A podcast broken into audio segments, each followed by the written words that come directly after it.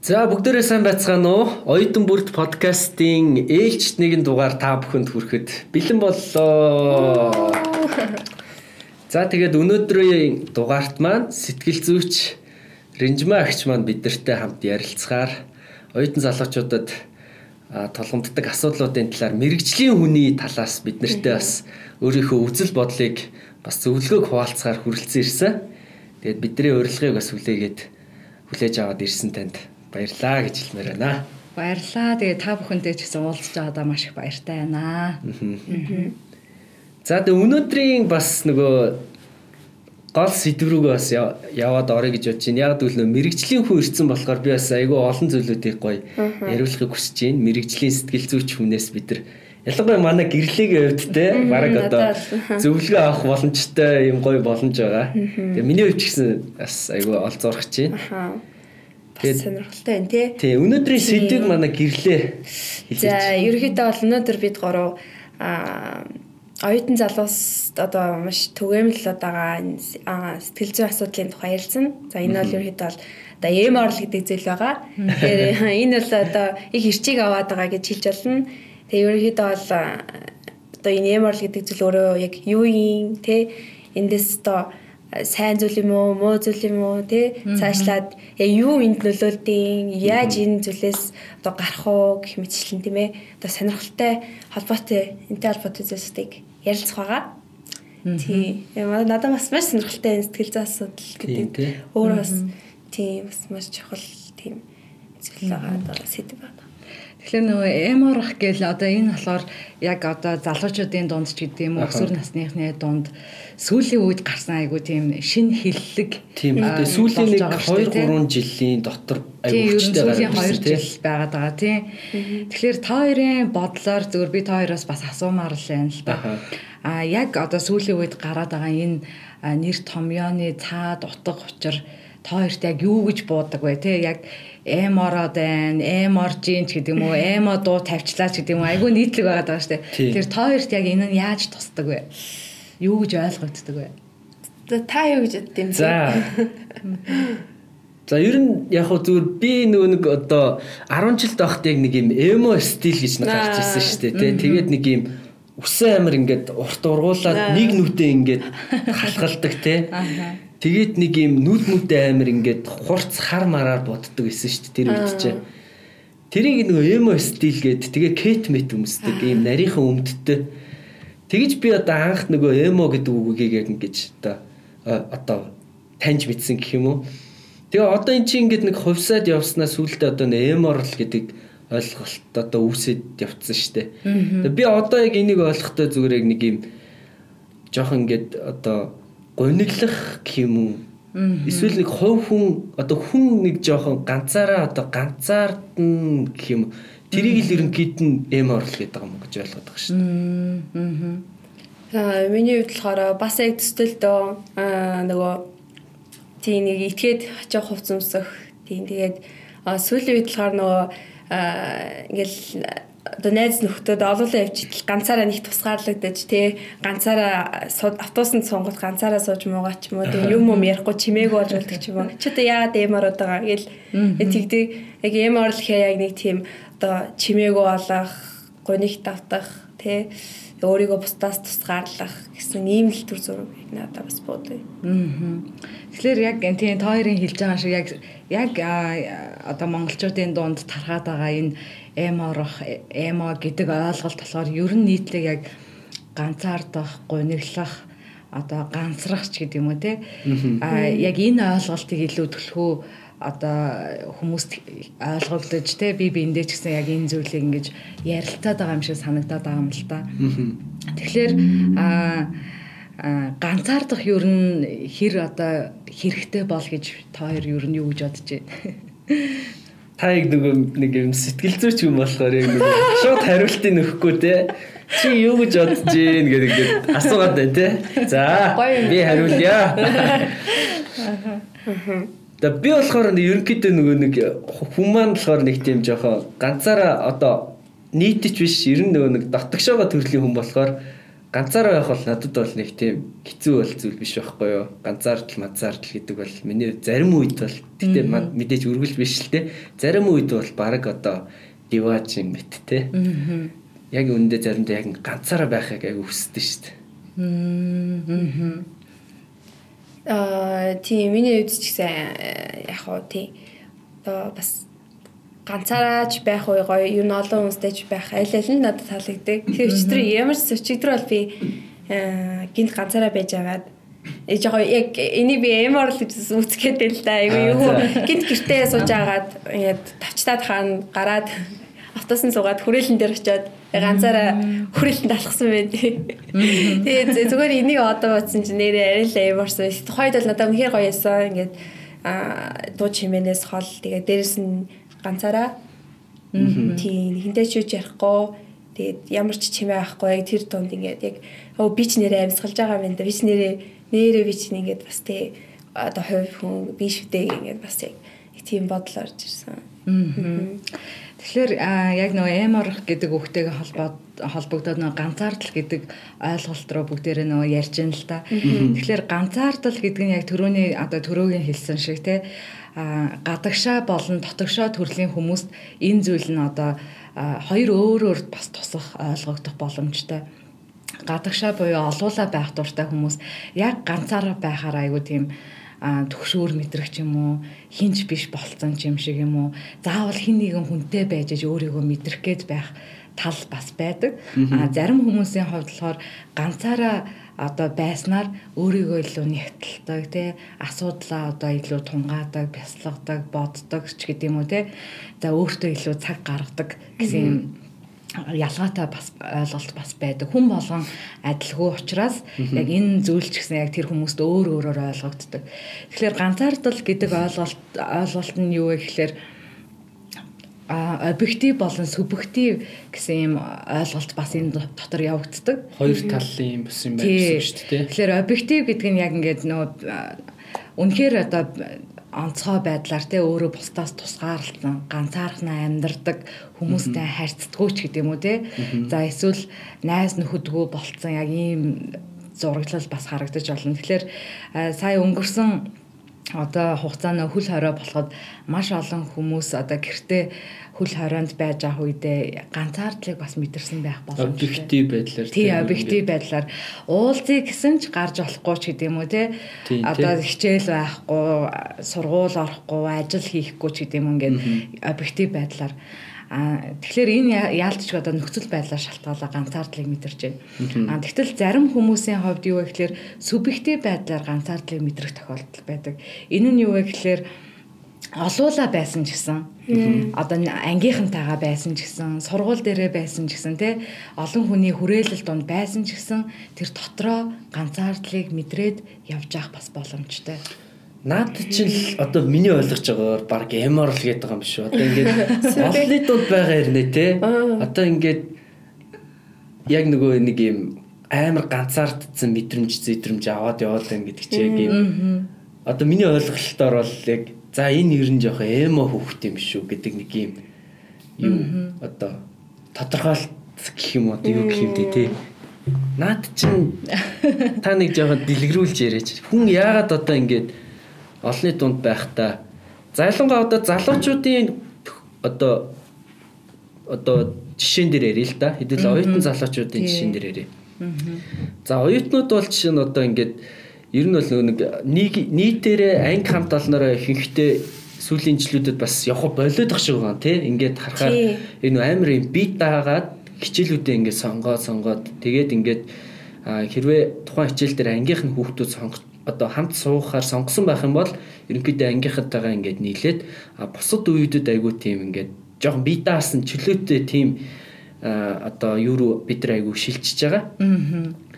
Тэнгүүд ялангуяа энэ нэг юм хамт олонны нийтийн гэдэг уур амьсгал ерөнхийдөө бас нэлээд тийм соёл маань ерөнхийдөө жоохон буурч байгаа гэж би ойлгож байгаа байхгүй юу. Аа илүү бие даасан ийм соёл хөгжөөд байгаа. Энийхээ хэрээр яг зүгээр нэг одоо яг ийм үзэгдэл гарч эхэлж байгаа залуучууд аягүй ганцаардл мэдрэлдэг болчиход байгаа байхгүй юу. Ингээд дотроо. Тэгээд тэгсэрнээ тэрийг ингээд нэг илэрхийлж нэг ингээд сайн гаргахгүй. Тэгээд зүгээр доторхын ингээд нэг юм уудлаад яриад үзэхээр хүн болгоны дотор нэг юм ганцаардсан мэдрэмжтэй юм шиг яваад байна л да. Тэгэхээр яг оюутнууд яг нэг юм ганцаардмал мэдрэмжийг ер нь мэдрээд яваад ах нь яг зөв юм уу те. Гэхдээ ер нь зөв буруу ч яг зүгээр яг нэг энэ мэдрэмжээ яаж одоо оюутнууд зөв илэрхийлж гаргах хэрэгтэй вэ те. Тэгэхээр бас яг энэ дээр болохоор яг насны онцлог бас ингэж харагдах боломжтой. Одоо өсвөр наснд одоо шилжилтийн наснд явж байгаа хүүхдүүдийн хувьд юу вэ гэхээр олон найзтай байх тусмаа л одоо айгүй гоё байдаг. Тэгээд одоо бүлэг хүүхдүүдийн дунд орохын тулд тэдний хийдэг зүйлийг хийгдэх ч юм уу тий. Тэдний өмсдөг загварын хувцсыг өмсдөг ч гэдэм үү. Тэдний сэтгэлээр хүсээ засуулдаг ч гэдэм үү ингээд ямар нэгэн бүлэгт харьяалагдах айгу хүсэл сонирхол өндөр байдаг. Тэгээд маш том хүрээлэл дунд олон найз нөхөдтэй тий. Ингээ бужигнжаах тэр дунд өөрийгөө одоо баталж нотолж тий өөрийгөө одоо хинбэ гэдгээ одоо мэдэрж идэг. А харин яг оюутан болоод эхлэхээр яг одоо би болон сэтгэл зүйн одоо хувьд өсөлт хөгжил бас ингээд тодорхой хэмжээнд явагдаж байгаа шүү дээ. Тэгэхээр энэ үед юу вэ гэхээр олон хүнтэй найзалж нөхөрлөх гэхээс илүү чанартай цөөн одоо дотн нөхөрлөлийг илүү одоо өсөмжилж эрхэмлж идэг байгаа.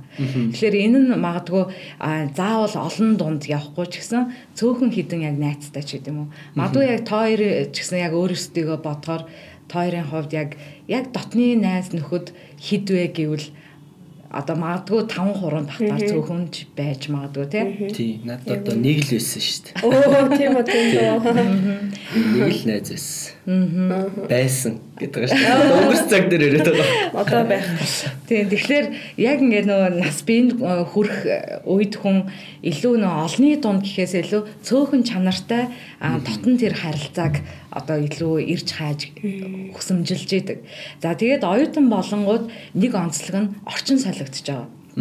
За өмнө нь 10 жилийн судлаас одоо оюутан болно гэдэг чинь бие дааж эхлэн шин сургууль, шин орчин, шин хамт олон ер нь бүх зүйл шин байгаа. Тэгэхээр хүн шин орчинд очих үед яадаг вэ гэхээр стресс гэдэг зүйл чинь яг энэ үед бий болдог. Яагаад гэвэл одоо шин орчинд би яаж цогцгоо, яаж би тасан цогцгоо, би энэ байдал бие яаж авч явах уу, сэтгэл санаагаа яаж авч явах уу гэд маш олон одоо өөрчлөлтүүд бий болдог учраас яалтчгүй стрессддэг. Аа тэгээд энэ стрессдэх үед юу вэ гэхээр одоо эн чинь ингээ нөө хүнд байдаг зүйл байгаа байхгүй стресс гэдэг чинь шинэ орчин нөхцөл тасан зохицох процесс явагдаж байгаа. За тэгээд цаг хугацаа өнгөрөөд ирэнгүүт 2 3 дугаар курсээс хүүхдүүд оюутнууд болохоор илүү одоо би яах ёстой вэ? Хичээлдээ би яаж хандах ёстой? Би даалтаа яаж хийх ёстой? Бүх зүйлдээ ингээ аль хэдийн тасцсан, зогцсон учраас ингээ тайван байдаг. Тэгэхээр ер нь судалгаагаар оюутнууд нэгдүгээр курст орсон одоо оюутнуудын 75 орчим хувь нь одоо маш өндөр одоо стресстэй байна гэсэн юм судалгаа байгаа да. Аа тэгээд 3 оюутанд бишээ 4 оюутан тутмын одоо 3 гэсэн үг шүү дээ.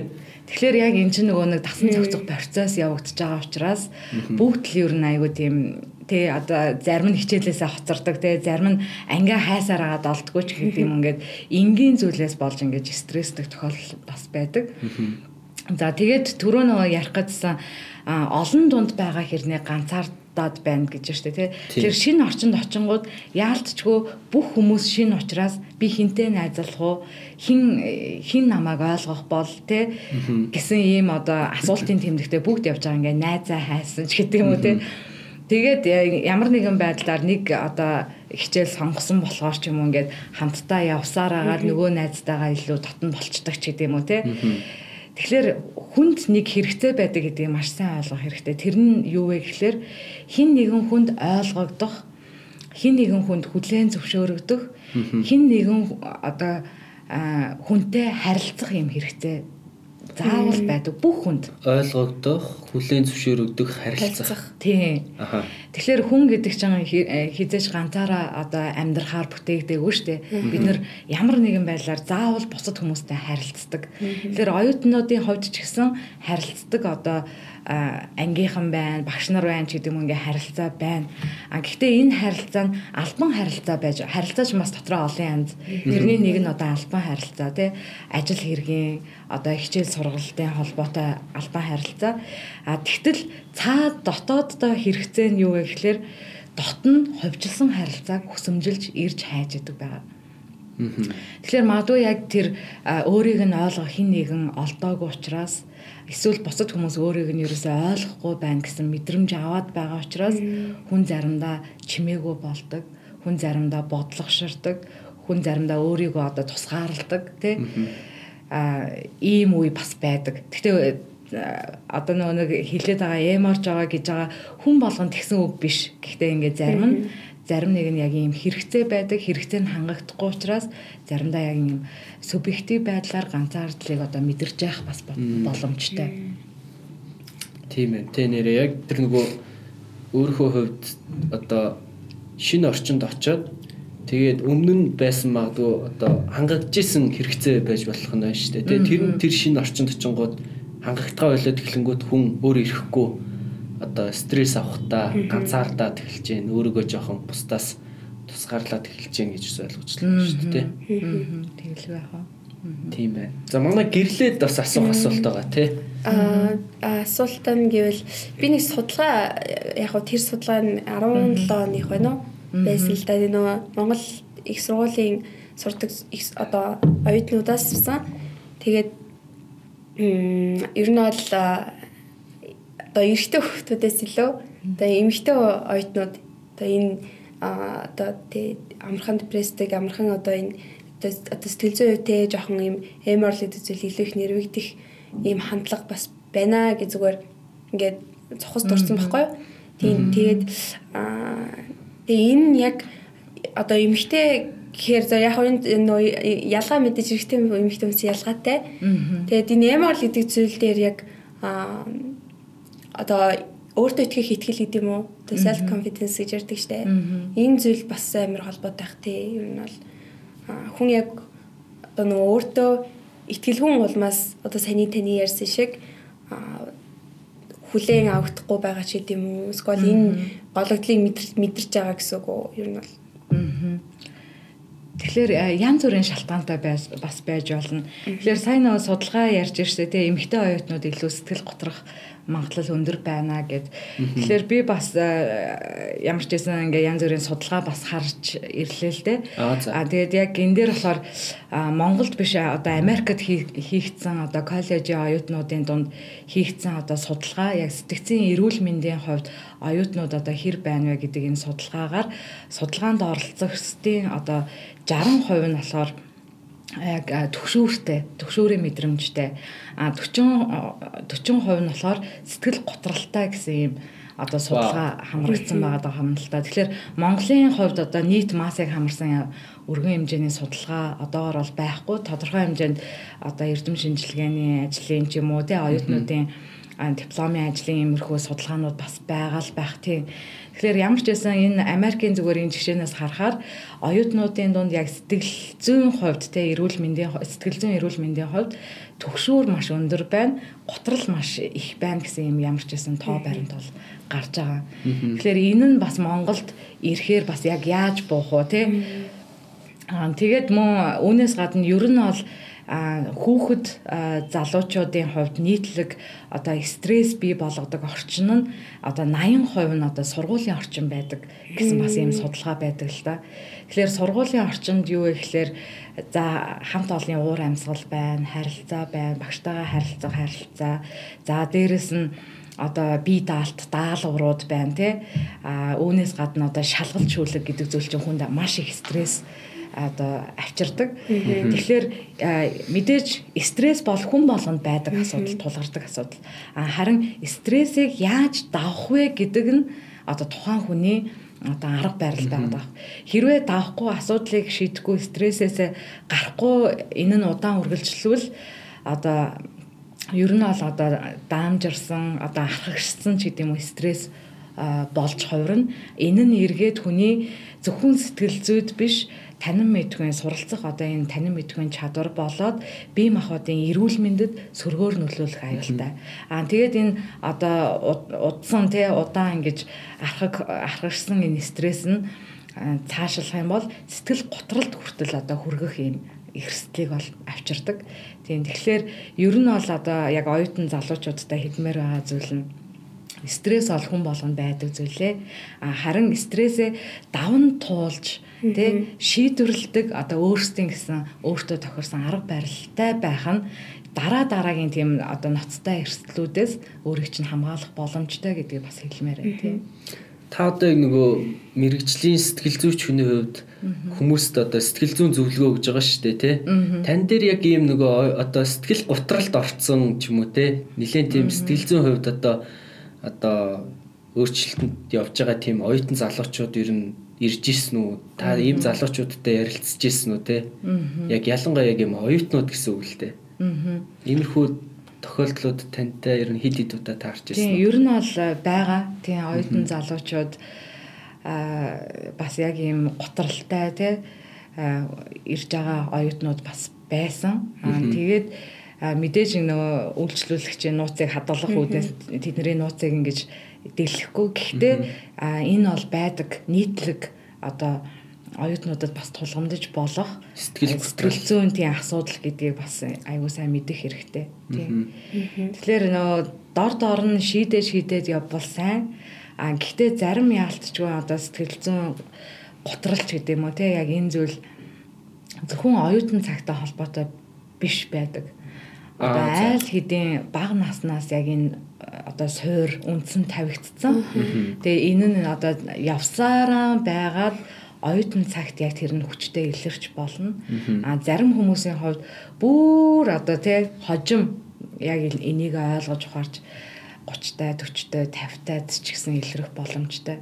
Тэгэхээр өөрөөр хэлэх юм бол сэтгэл готрал маань а ил сэтгэл готрал даалт сэтгэл готрол гэж байдаг. Тэгэхээр магадгүй зарим хүмүүс энийгээ мэдхгүйгээр даалт хэлбэртэй тэрийг хадгалсан, хавд арцсан. Аа тэгээд ямар нэгэн байдлаар амьдралд нь өөрчлөлт гарангууд нөгөө хавд аргацсан байсан сэтгэл готрлын одоо шинж тэмдгүүд ил гарч ирж ирэх бас боломжтой. Аа. Тийм. Тэгэхээр сэтгэл готрал гэдэг зүйл болохоор зөвхөн оюутан цагт тулгарх асуудал биш. Суур ер нь бол хүүхэд наснаас л тавигдаж эхэлдэг. Нөгөө нэг нэг ийм одоо бид нар чи айгүй нөгөө чөлөөтэй улсад амьдарч байгаа тий интернет гэдэг ч юм айгүй мэдээлэл бидний хувьд чөлөөтэй байгаа болохоор тэрөө одоо ингээл би нилээ хитэн хитэн тийм хэрэгүүд сонсч ирсэн байхгүй Америкт гарч ирсэн гэхдээ ихэнх нь. Яг нөгөө сургууль руугаа ингээл буу барьж ороод тэгэл амар олон оюутнууд их ч юм уу тий эсвэл одоо багш магш нарыгаа бууд буудаад алдсан гэдэг ч юм уу те. Тэгээ төгсгөлд нь өөрөө өөрийгөө буудаад алдсан ч байдаг юм уу те. Энэ нэг ийм эвгүй эвгүй сэтгэл сэртгэл юм хэрэгүүд ингээл Америкт бол ингээл үе үе дуулддаг штэ те. Монголд маань одоо арай л амар тайван бид нар мэдээж амар тайван гэхдээ ингээд залуучуудын дунд одоо нэг юм жоохон нэг нэгэ жоохон нэг одоо явуулж байгаа одоо юкуд одоо жоохон маазарч байгаа гэд тэр нь арай нэг хитрээд идэг юм шиг бас нэг ийм юу ажиглагдаад идэг байхгүй юу. Би ингээд оюутнуудтай ингээд ярилцаад ингээд үдсэн нэг хит хитэ оюутнууд яг нэг юм нийтлэг юм хариулт хэлэхгүй би өөр айгүй гайхсан тэрэн дээр эрэгтэй эмэгтэй оюутнууд бүгд л ерөнхийдөө оюутнууд бие биетэйгээ айгүй тийм бүдүүлэг харилцдаг гэд. Одоо ер нь жоох ингээд нэг тийм аа үгүй одоо нэг юм хүндлэлгүй байдаг гэнэ. Гэт нэг нэг нэгэ жоох ингээд одоо явуулж байгаа те нэг нэг нэгэ жоохон маазарч байгаа нь арай л нэг тийм жоохон хил хязгаараас нэг давтсан ч юм уу те. Бараг л ингээл одоо тэр хүнийг хүндлэхгүй байгаа юм шиг гэдэг. Ийм нэг юм ингээд залуучуудыг айгу стресстүүлт юм байна гэсэн нэг тийм би зүгээр бас бодол тэндээс ойлгож авсан байхгүй юу? Яг иймэрхүү одоо ингээд хүмүүс оюутнуудад бас үгүй иймэрхүү асуудал оюутнуудад ер нь тулгарч байна. Ерөнч маа сэтгэл зүйчээ Тэгэхээр та ер нь зүгээр оюутнуудад хандаж хэлэхэд ялангуяа нэг юм одоо юу за бүдүүлэг нь цаашийн зүгээр нэг бусдын нэг юм орон зай гэж бас байна шүү дээ. Хувь хүний нэг юм орон зай бүрлдэж байгаа нэг юм чухал бас цаг үе яваад байна. Тэр яг энэ цаг үеийг нь та бас бусдаа бусад одоо залуучуудад хандаж те нэг зөвлөгөө өгөөч те. Тэгэхгүй бол яг нэг юм залуучууд бие биетэйгээс арай жоохон ингээд шууд харилцаад тах шиг санагдаад байгаа юм л да. Тийм. Тэгэхээр тэглгүй яг яг хүн болгон одоо хувь хүн бие хүн болж тэгээ төлөвшөж явж байгаа оюутнууд бол аа тэгээд хүн болгон тодорхой одоо хил хязгаартай тий хүний хувийн орон зай гэдэг зүйл бас байдаг. За энэ энэ нь болохоор юу вэ гэхээр хэл хязгаар орон зайч гэдэг юм уу ингээд хэлэхээр хүмүүс одоо яг зарим нь бас ойлгохгүй байж магадгүй зүгээр хашааг бид нэр зүүрлээд үзээ те хашаа байшинтай айл байлаа гэж бодоход яагаад хашаа татсан бэ гэхлээр хашаан доторх нь манах хашаанаас одоо гаднах нь одоо өөр хүнийх те тийм хажуу талынх бол хажуу айлынх те. Эсвэл шууд гудам байж бас болно те. Тэгэхээр хашаан доторх манах гэдэг ойлголт байгаа. А хэрвээ хин нэгэн хүн тэр хашааг те хаалгаар нь биш даваад орох юм бол хүмүүс э, тэр одоо тий айлын хүмүүс дургуутсан уурлна бухимдна за тэгээд нөгөө хүний э, магадгүй хулгайч гэж ойлгомж гэдэг юм уу тий. Тэгээ шууд одоо нохоогоо сул тавьдаг ч гэдэг юм уу тий. Хамгаалтанд авна штэ тий. Тэгэхээр хил хил хязгаар гэдэг ойлголтыг ойлгоход ерөөсөө л энэ хашаагтай одоо айлтай адилхан хашаа яагаад гэвэл тэр нь манаах гэдэг ойлголтыг одоо ойлгуулж байгаа тий. Тэрүүнтэй адилхан хувь хүн болгон тодорхой өөрийн гэсэн орон зай одоо өөрийн гэсэн одоо хил хязгаар гэдэг зүйл дотор ингэж амьдарч идэг. Тэр дотроо хүн аюулгүй тайван гэсэн мэдрэмжийг одоо мэдэрч идэг. Харин хил хязгаарлуун хин нэгэн дураараа одоо нэвтрэх үед те халдах үед хүн одоо э, айцыг мэдрэн төгшүүрийг мэдрэн эсвэл уурлан бохомдон шууд хамгаалахын тулд ямар нэгэн хариу арга хэмжээ авах ч гэсэн гэдэг юм уу одоо ийм хариу үйлдэл үзүүлнэ. Тэгэхээр э, хичнээн та нар тэ үе тэнгийн найзууд байсан ч нэг ангийнхан байсан ч гэсэн хичнээн үе зайгүй магадгүй найзууд байсан ч гэсэн тухайн хүний орон зай тухайн хүний өөрийнх нь яг хил хязгаарыг хүндэлж яг тэр хил хязгаараас хитрэхгүйгээр одоо давхгүйгээр яг зөв боловсон харилцан жинхэнэ одоо боловсралтай боловсон одоо оюутан залуучууд болно л гэсэн үг гэж би болохоор ерөнхийдөө ойлгож бодоод байгаа. Тэгэхээр нийтлэг бас нэг энэ дээр бас хэлмээр байгаа зүйл нь хүмүүс одоо хашаагаа сайн татаж чаддгүй. Өөрөөр хэлэх юм бол хил хязгаараа тодорхой татаж чадаагүйгээс болоод ийшээ аа нэвтэрч болох юм байна. Ийшээ нь орж болох юм байна гэдэг ойлголт харилцаж байгаа хүмүүст нь бий болчдөг. Тэгэхээр анханасаа одоо хил хязгаараа маш тодорхой хэлж сануулж одоо илэрхийлэх нь аягүй чухал. Тэгээгүйгээс болоод тухгүй байгаа мэдрэмж аваад байгаа хэрнээл төвчээл чимээгүй өнгөрснөөс болоод нөгөө хүмүүс бол тэрийг хил хязгаар гэж ойлгоогүй те чөлөөтэй одоо орж гарч болох юм байна гэж ойлгоцсон. Тэгтэл нөгөө хүнд бол үнэхээр тухгүй тайван биш те сүултээ энийгээ тесрэх байдлаар уурлах байдлаар бүр сүулдэ одоо харилцаагаа таслах байдлаар илэрхийлж магадгүй. Тэгэхээр хүн болгоо яг өөрийнхөө хил хязгаараа яг ингээд тодорхой илэрхийлж явах хэрэгтэй. Магадгүй түрүү нөө хэлсэн шүү дээ тий одоо цаашлуулах ч гэдэг юм уу одоо зарим нэг одоо хоорондоо цаашлуулах би биенээрээ тоглох зүйл оюутнуудад байдаг. Тэгтэл яг магадгүй хитрхи ингээд хитрүүлж ивэл тухайн үед те за болоорой энэ бол надад айгүй тийм таалагдахгүй байна шүү. Энэ надад айгүй тийм муухай мэдрэмж төрүүлж шүү гэдгээ ингээд нухацтай тодорхоогоор хэлэх юм бол нөгөөдөл нь аа энэ найзтайгаа би харилцахдаа энээс цааш би хамаагүй хитэрч болохгүй юм байна гэдэг ойлголт одоо суух боломжтой байгаа. Тэгэхээр хилээ яг зөв сайн татах хэрэгтэй. Аа тэгээд би биенийхээ хил хязгаарыг яг хөндлөх хэрэгтэй болж байгаа юм л да. Тийм. Яг зөв тий.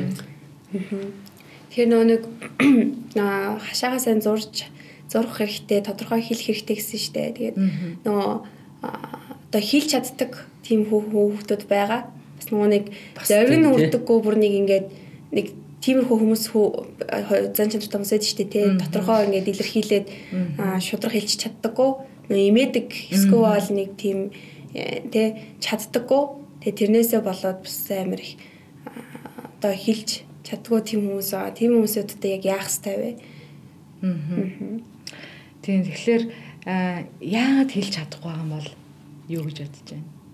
Тэгэхээр одоо имэдэг тэр найзтайгаа харилцаа муудчих үдэ. Магадгүй намайг одоо ингэж бодох үедээ гэсэн санаа зовлт байд юм болов гэж л.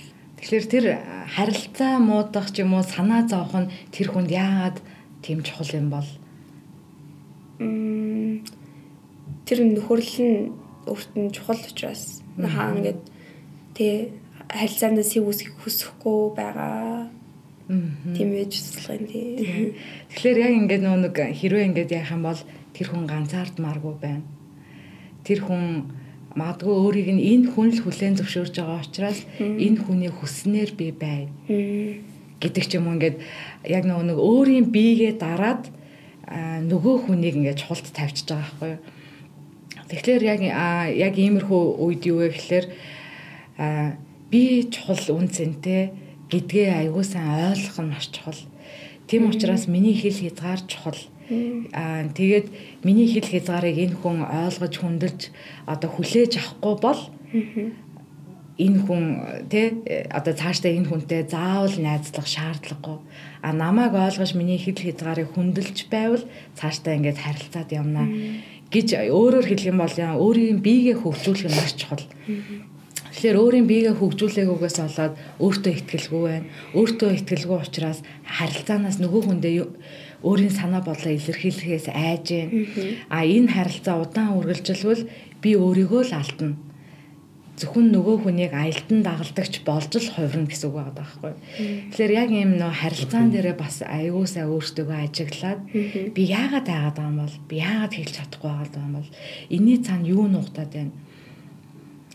гэд ингээд сайн өөртөө одоо ингээд оюутнууд ч одоо зорилго нь бол ер нь бол нөгөө мэрэгжил эзэмших, мэрэгжилтэн болох гэсэн зорилготой нөхдүүд одоо их сургууль дотор явж байгаа шүү дээ, тий. Тэгээд нэг Эрдэм номын мөр хөөгөө явж байгаа. Нэг хэсэг бүлэг нөхдүүдтэй нэг анги гисэн тий. Одоо за хаанаас ирсэн янз бүрийн л ингээл хөдөө орон нутгаас хотынхоос ч гэдэм үү тий. Залуучууд ингээл явж байгаа.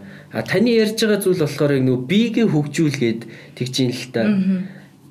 Одоо яг нэг юм хичээлээ сураад явж байгаа залуу За нэг ингээд оюутан. Яаж өөрийгөө одоо тэр би гэдэг юм одоо хөгжүүлэх байдаг вэ те?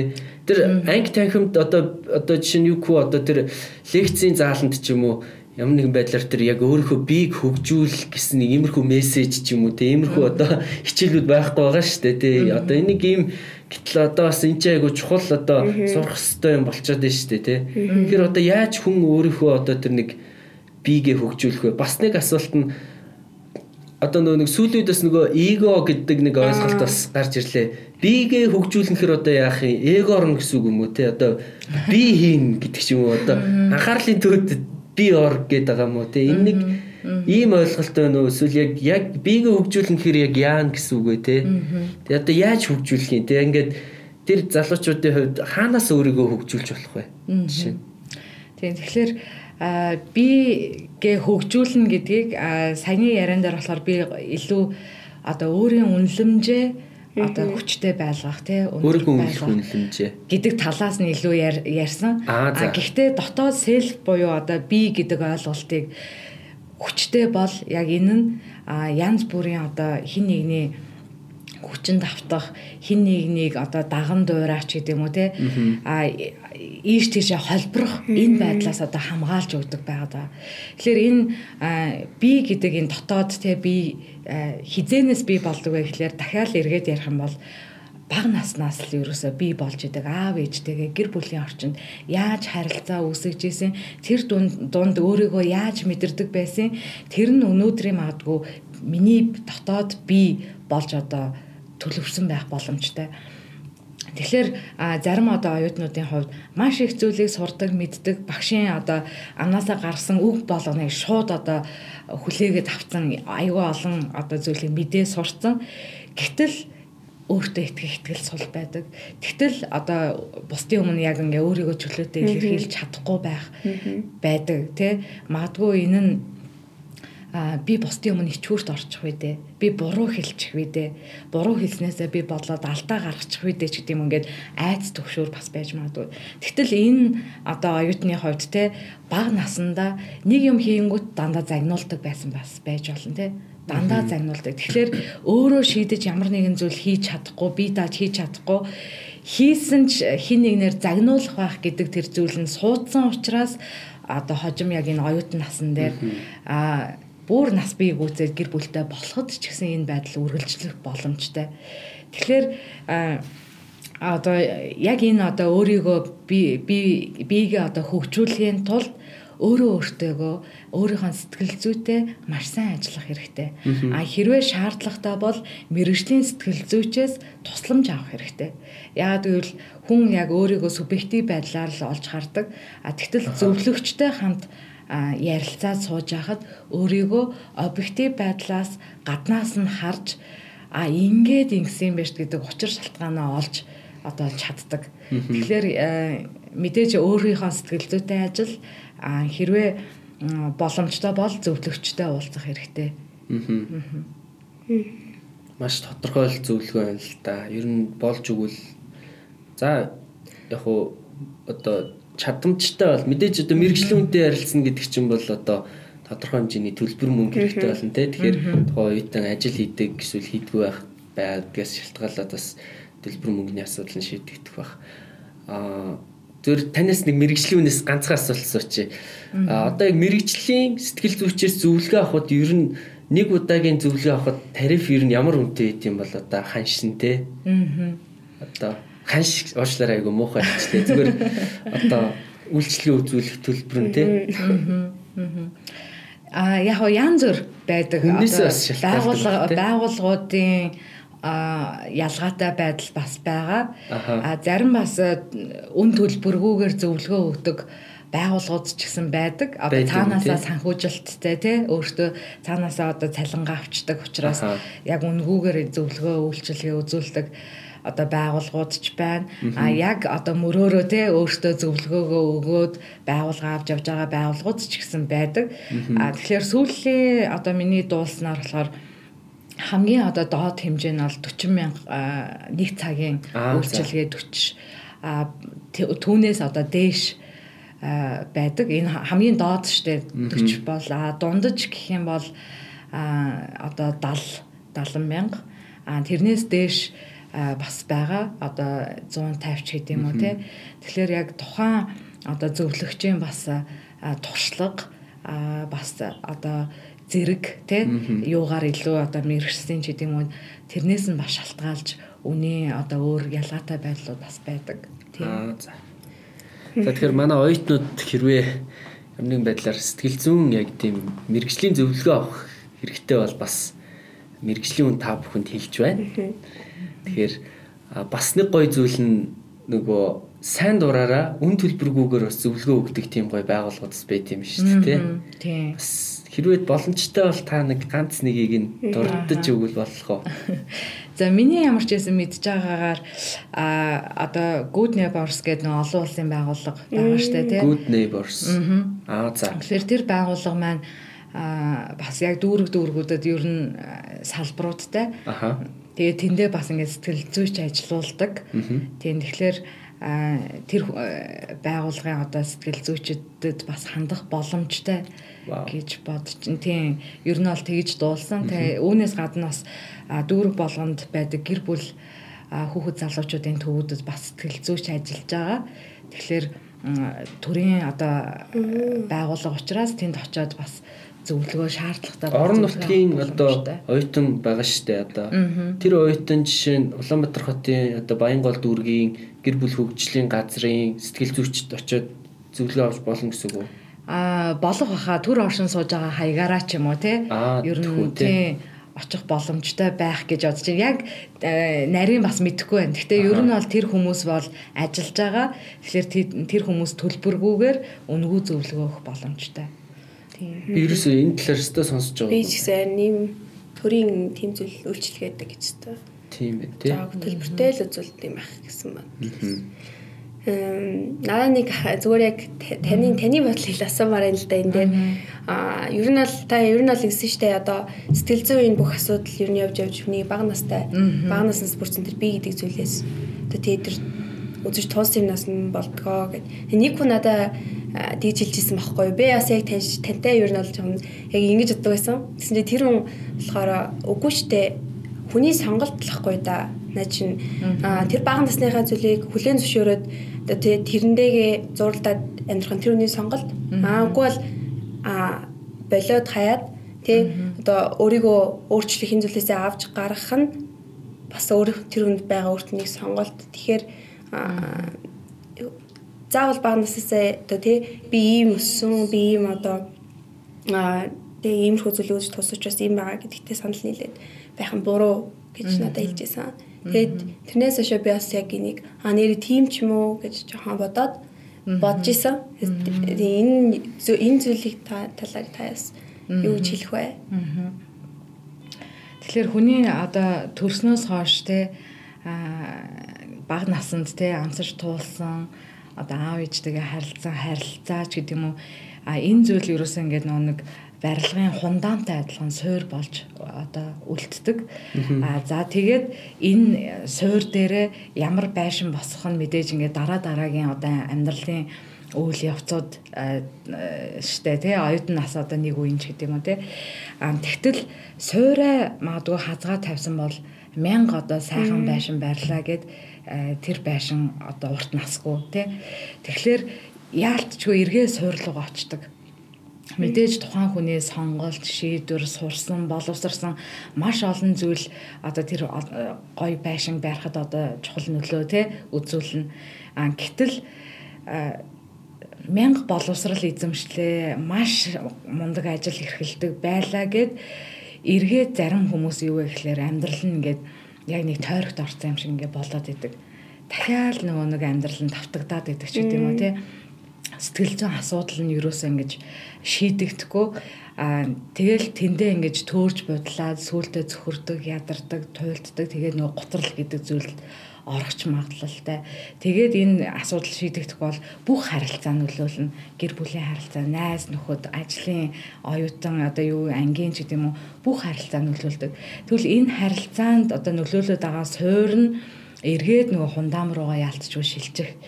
Тэнд яг юу болсон юм бол тэрний учир шалтгааныг тайлж, тэрний учир шалтгааныг олж иж хүн аа би одоо тэгвэл ингээ а хичнээн ийм одоо хэцүү зүйл тохиолдсон ч гэсэн би тэрийг хүлээн зөвшөөрье. Би тэрийг одоо харин даван туулъя ч гэдэг юм уу.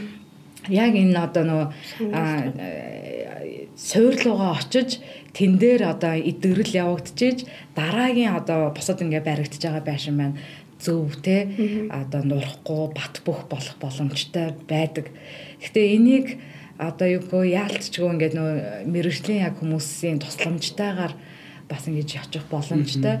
А мэдээж бас хүн болгоны одоо туршлага амсаж мэдэрч байгаа зүйл ялгаатай. Тэгээ нэг тийм сонирхолтой судалгаа гэдэг хичнээн сайн аав ээж байсан гэсэн хүмүүс заримдаа энэ дээр ингээ буруутгах гэдэг л дээ. Аав ээж сайн байсангүй. Тэгэл би юм болчлоо гэдэг ч юм уу те тэгтэл яг судалгаагаар хичнээн мундаг сайн аав ээж байсан ч гэсэн тухайн хүний одоо хүүхдийн сэтгэл зүйн хэрэгцээний одоо хамгийн сайндаа 40%-ийг л хангаж өгдөг. Хангаж өгдөг. Бүр ээж аав нь гэхдээ тулцсан аав ээж шүү дээ. Бүр 100% баг 200% аав ээж шүү дээ, тий. Тэгэхээр тийм тэгэхээр тэгээ бодохоор бүх хүн асуудалтай одоо бага насандаа ч юм уу тий яг ингээд нэг дутуугийн мэдрэмжтэй хайрлагдаг хологцсон юм шиг мэдрэмж тодорхой хэмжээнд хүн болгоно би болсон. Гэхдээ тэрүүнтэйгээ яаж тулж ийн тэр асуудлаа яаж шийдээд цаашаа явах вэ гэдэг чинь аюул чухал байгаад байгаа юм л та тийм. Тийм тэгэхээр ингээд нөгөө эцэг гэхээ ч юм уу буруутгах шаардлагагүй. За та нөгөө нэг буцаад нөгөө нэг биегээ хөгжүүлэх дээр дахиад нэг асуулт надад байна л та. Аа за мэдээж одоо мэрэгжлийн үнтэй ярилцах те Энэ бол бас нэг боломж юм байна. За бас нэг одоо миний ойлгож байгаагаар боломж бол оюутнуудын хувьд сүүлийн үед айгүй гоё нэг тийм соёл бас хөгжиж байгаа гэж би харж байгаа. Тэр нэг тийм унших сэтгэлгээ ямар нэг зүйлийг одоо өөрийгөө хөгжүүлээ сонсъё, уншия гэдэг ийм залуучууд бас их сэтгэлгээтэй болсон байна. Тэгэхээр яг нөгөө яг та өөрийгөө хөгжүүлэх дээр те за ер нь сэтгэл зүгээ одоо ерөнхийдөө таньж мэдэх энэ тал дээр яг санал болгох сайн ном мэрэгжлийн одоо ийм ном бүтээлүүд гэх юм бол те Монгол залуучууд оюутнууд аваад уншиж болох те ном санал болгохыг үл та жишээ нь ер нь ямар номуудыг санал болгох вэ? Аа. Тэгэхээр хувь хүний хөгжлөө маш олон номнууд байгаа те. Маш олон номнууд байгаа. Ер нь бол одоо энэ сэдв чинь бол сүүлийн одоо 5 жилийн бараг хамгийн одоо юу сэдв болчихоо тренд сэдв болчихоо те. Аа. Тэгэхээр яг олон ном байгаа бестселлер болж байгаа. Тэгэхээр тэр олон номнуудыг уншиж болно. А ном санал олохоос илүү би бас нэг зүйлийг санал болгомоор байна л да. Аа за. Ном мэдээж бид нар номоор дамжуулаад маш олон одоо мэдлэг мэдээллийг хүлээж авдаг, шин зүйлийг сурч авдаг. За өөр хин нэгний амьдралаар бид нар бас одоо амьдрах те богино хугацаанд тэр зүйлийг нь мэдрэх боломж бас олддог. Айгуу сайн зүйл. Тэгэхээр энэ тал руу оюутнууд нь байна одоо явж байгаа нь үнэхээр сайн хэрэг. Аа тэгвэл энэ дээрээ нэмээд зөвхөн мэдлэг одоо нэмээд байх биш. А өөрийгөө танихын тулд ер нь бол хамгийн чухал зүйл бол нөө EQ чадвараа хөгжүүлэх хэрэгтэй.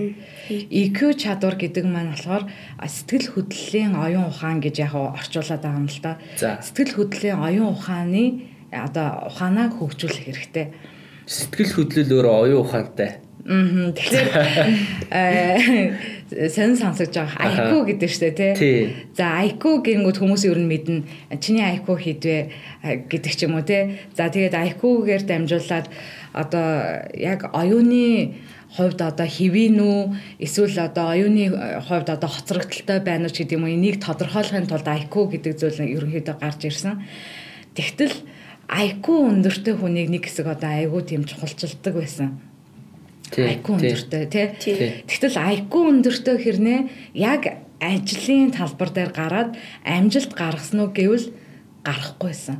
Тэнгүүд яагаад IQ өндөртэй хэрнээ амжилт гарахгүй байна гэд одоо гайх нь штэ энэ чинь уг нь ингээ оюуны чадамж өндөртэй. Тэгтэл амжилт гаргаж байгаа хүмүүс IQ өндөртэй хүмүүс байсан. Өөрөөр хэлэх юм бол бид нар нөгөө түрүүн хэлжсэн ганцаараа байдаг хүмүүс биш ээ. Бид нар хаач үргэлж хин нэгнтэй харилцаж байдаг. Тэгвэл EQ-гийн EQ чадвар нь өндөр хүмүүс бусдад өөрийгөө зөв илэрхийлж чаддаг.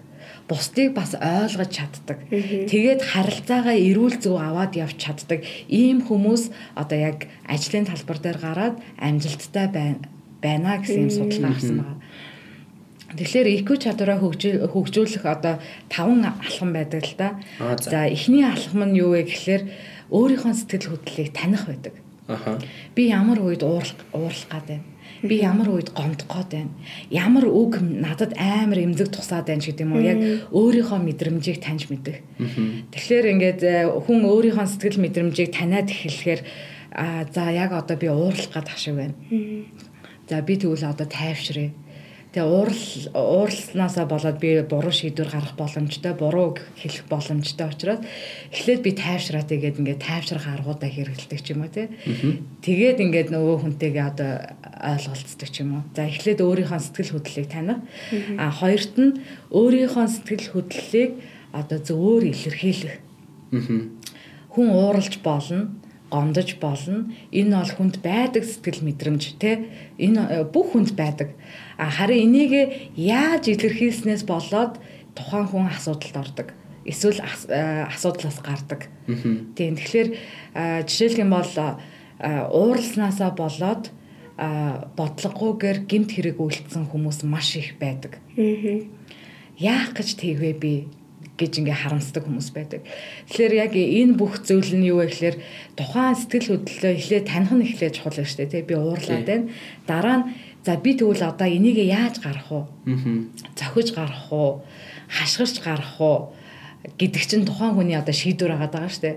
Тэгэхээр хэрвээ өөрийнхөө сэтгэл хөдлөлөө танаас сурцсан хүн тайвширчин, тайвширсны дараа энэ надад таалагдахгүй байна гэдгээ илдэгээр ч юм уу те боловсон байдлаар илэрхийлж чадна.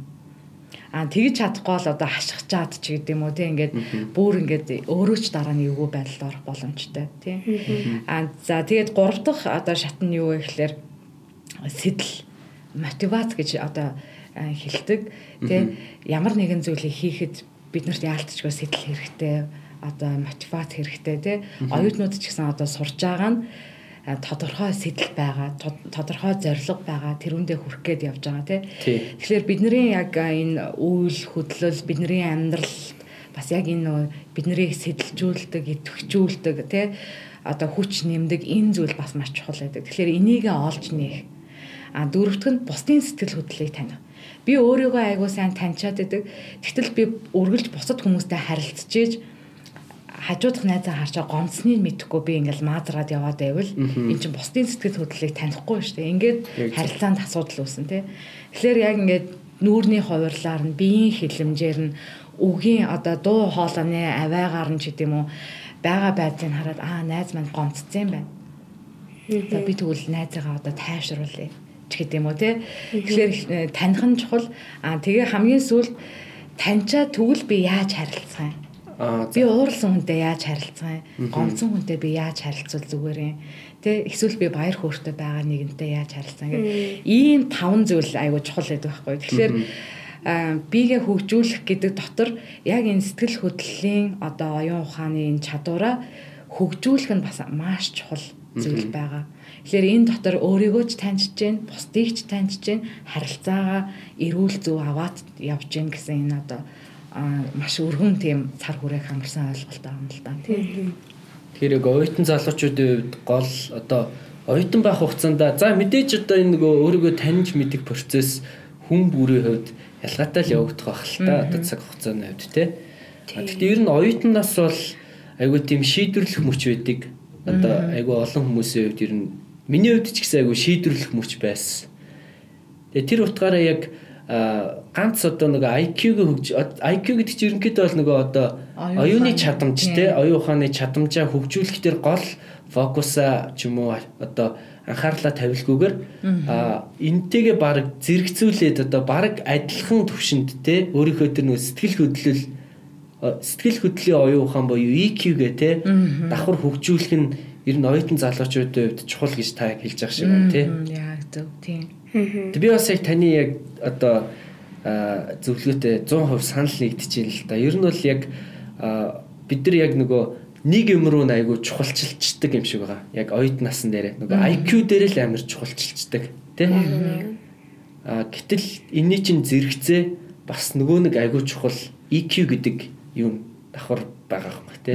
Тэр энийг бол мэдээж бид нар сургуулаас бас яг авч чадахгүй тий 100% авч чадахгүй болохоор айгу олон юм дундаас бас олж авах гэж хичээнэ та.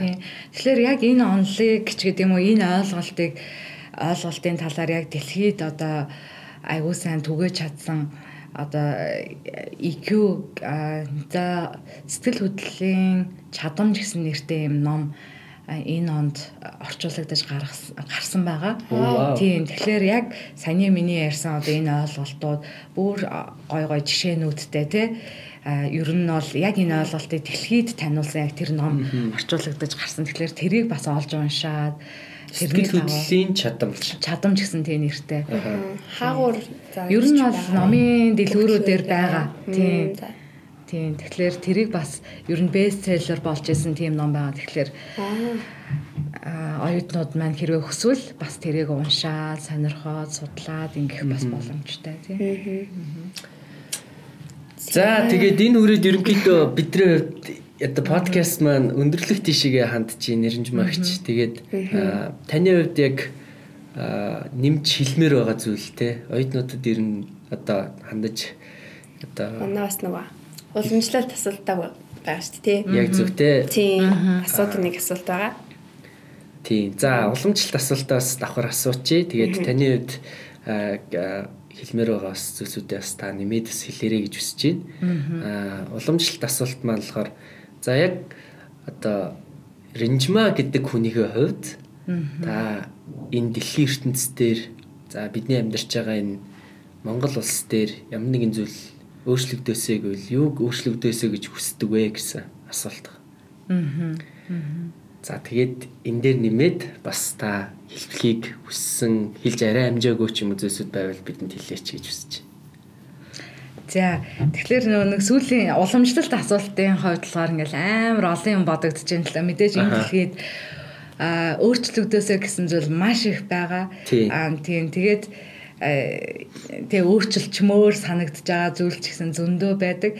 Тэгээд бүгдийг ингээ хэлэх боломжгүй. Тэгээд а яг нөө өнөөдрийн яг подкастын сэдвийн дагуу ч юм уу те өөрийнхөө бас мэрэгчлэлтэй холбоотойгоор хүн болгон яг өөрийн биеийн эрүүл мэндэд анхаардаг штэ тий. Ямар нэгэн зүйл өвдөнгүүд эхлээд өрхийн эмнэлэг дээр очдаг ч юм уу тий тэгээ дараа нь ингээд а, шат дамжлагаар эмчэд үзүүлж шинжилгээ оншилгоо хамрагдаж одоо эмчилгээ хийлэгдэг шиг бидээ одоо биеийнхээ эрүүл мэндэд анхаардаг шгэ хүн болон өөрийнхөө бас сэтгэл зүйн эрүүл мэндэд анхаардаг байгаасай а, гэж хүсэж байна.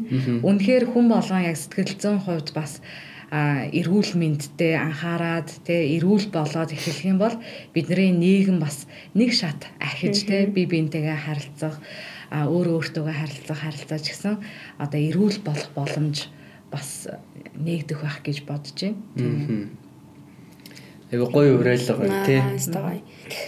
Тий. Соёднуудын дунд сэтгэл зүйн мэдлэг айгу тутмаг байгаа энэ үед. Зүүн эрүүл мэндтэй бас Тий, эрүүл мэнд тий. тий. Бидрөө яалтчгүй бас анхаарах шаардлага байгаамаа. Ер нь ингээ нийгмийг харах тий. Окей. За тэгвэл энэ хүрээд манай подкаст өндөрлж байна. Гэтэ залуучууд бидний хувьд бол тий одоо оюутан залуучууд ялангуяа та нарын хувьд бол өөрийгөө таньж мэдэх хийх чухал аялал дундаа явж байгаа та бүхний хувьд аялал үргэлжилсээр байгаа. Тэгээд өнөөдөр бидэнтэй ярилцсан сэтгэл зүйч Ринжмагчд маш их баярлалаа гэж хэлмээр байна.